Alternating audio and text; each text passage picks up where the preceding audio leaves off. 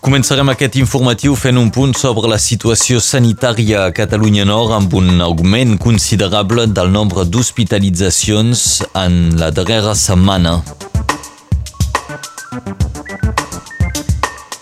Aquest augment d'hospitalitzacions arriba en un moment eh, més delicat. A l'hospital hi ha altres virus, altres patologies que requereixen hospitalitzacions i, a més, el nombre de personal sanitari és menys important que no pas a l'estiu.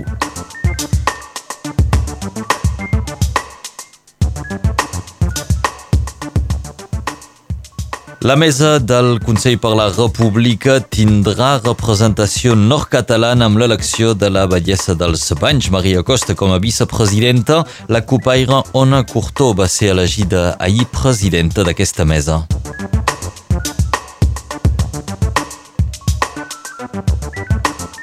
En aquest informatiu també veurem com les estacions d'esquí es preparen ja per l'obertura. La primera que pensa obrir les seues pistes serà la de Porte Pimoren el pròxim dia 20.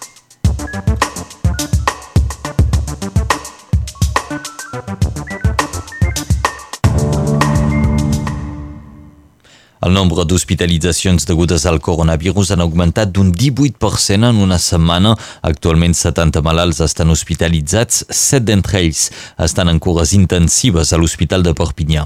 S'ha constatat un augment del nombre d'hospitalitzacions des de l'11 de novembre, amb 3 ingressos a l'hospital cada dia. Avui la taxa d'incidència és de 80 casos positius per 100.000 habitants. I l'amenaça d'una cinquena onada de Covid inquieta el cap del Servei de Malalties Infeccioses de l'Hospital de Perpinyà. El doctor Hugo Metre alerta que aquest nou augment de contagis arriba en un moment en què ja circulen altres virus i altres patologies hivernals, un fet que no es va produir l'any passat. El doctor Ometre avisa també que en l'actualitat hi ha menys personal sanitari disponible en comparació amb l'estiu passat, per tant la capacitat d'acollida de malalts de Covid és molt més baixa. Avui a l'Hospital de Perpinyà 90% dels malalts de Covid no han rebut cap dosi del vaccí. I a Àustria el govern ha decidit activar una mesura dràstica per salvar el sistema sanitari. Des d'aquest matí els austríacs que no estiguin vaccinats estaran confinats a casa durant 10 dies. Àustria només té el 65% de la població vaccinada i dissabte es van notificar 13.000 nous contagis i 48 morts. A Europa l'augment de contagis ha començat als països del nord per l'arribada del fred i s'està estenent als països que no mantenen cap restricció i amb un índex de baixa eh, vaccinació. Canet va acollir ahir el primer ple de l'Assemblea de Representants del Consell per la República amb els 20, 121 representants elegits a agafar dues setmanes. La copaire Ona Curtó va ser elegida presidenta de la mesa del Consell. La mesa comptarà amb representació nord-catalana amb l'elecció de la badiessa dels Banys d'Arles, Maria Costa, com a vicepresidenta, juntament amb l'activista Jordi Pessarrodona. L'acte va comptar amb la presència, entre altres, de Carles Puigdemont, de Toni Comín, de Laura Borràs i de Clara Ponsatí. Ponsatí, que justament va tenir problemes amb la policia quan va aterrar a l'aeroport de Perpinyà.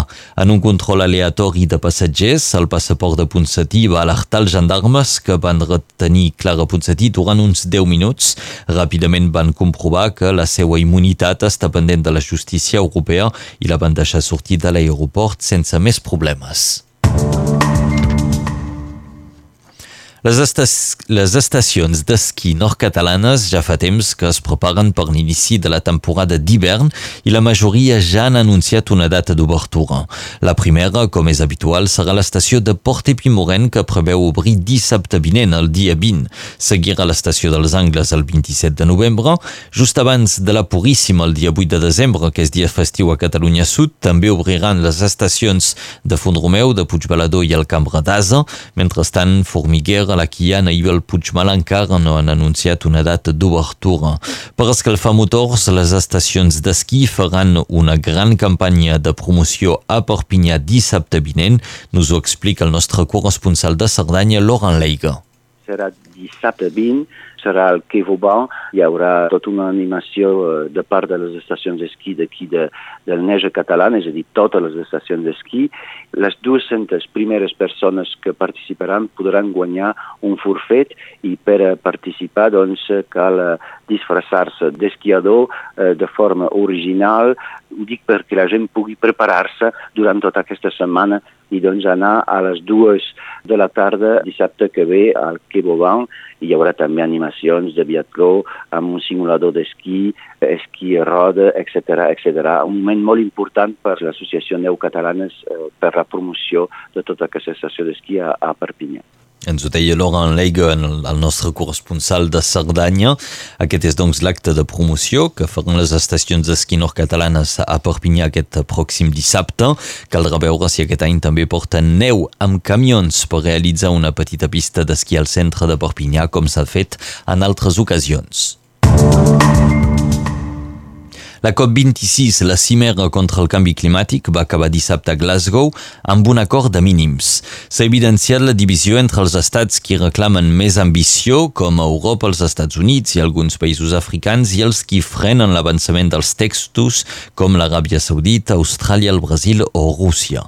El document consensuat aquest dissabte reconeix la necessitat de reduir un 45% les emissions pel 2030 per poder limitar l'escalfament a un grau i mig. També demana als estats que enforteixin els seus compromisos a finals del 2022 i que accelerin la reducció gradual del carbó i els combustibles fòssils i de les emissions de metà.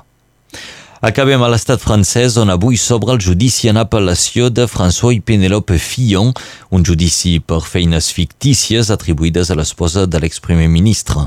En primera instància, François Fillon va ser condemnat a dos anys de presó ferma, mentre que Penélope Fillon va ser condemnada a tres anys però sense haver d'entrar a presó. És previst que aquest nou judici s'allargui fins al 30 de novembre.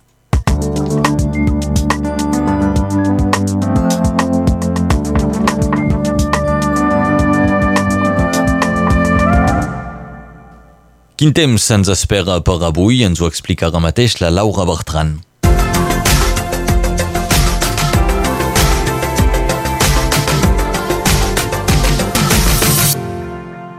El temps s'anuncia variable per avui, amb algunes clarianes, però també possibilitat de pluges més aviat febles a tot Catalunya Nord, en particular aquesta tarda, i en forma de neu a muntanya.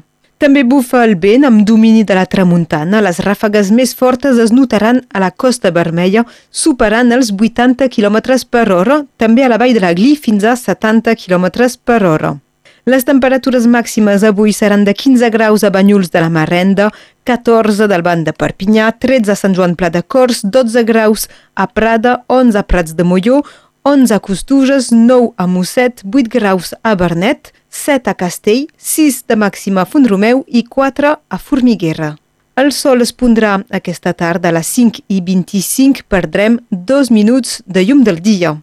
El 15 de novembre del 1969, el club de rugby A13 de casa nostra, el 13 català, va afrontar l'equip de Leeds a la primera edició del Trofeu dels Campions, que oposa el campió de França i el d'Anglaterra. Aquest partit va ser retransmès en directe per les televisions britàniques i francesa i era el primer match difusat en color a Anglaterra. Leeds va guanyar per 31 a 5. Finalment, el 15 de novembre de 1951 destaquem que, segons un decret, unes 443 hectàrees del Canigó van ser classificades segons la llei de protecció dels monuments naturals. I la frase d'avui diu «Per Sant Albert, l'hivern ja està despert».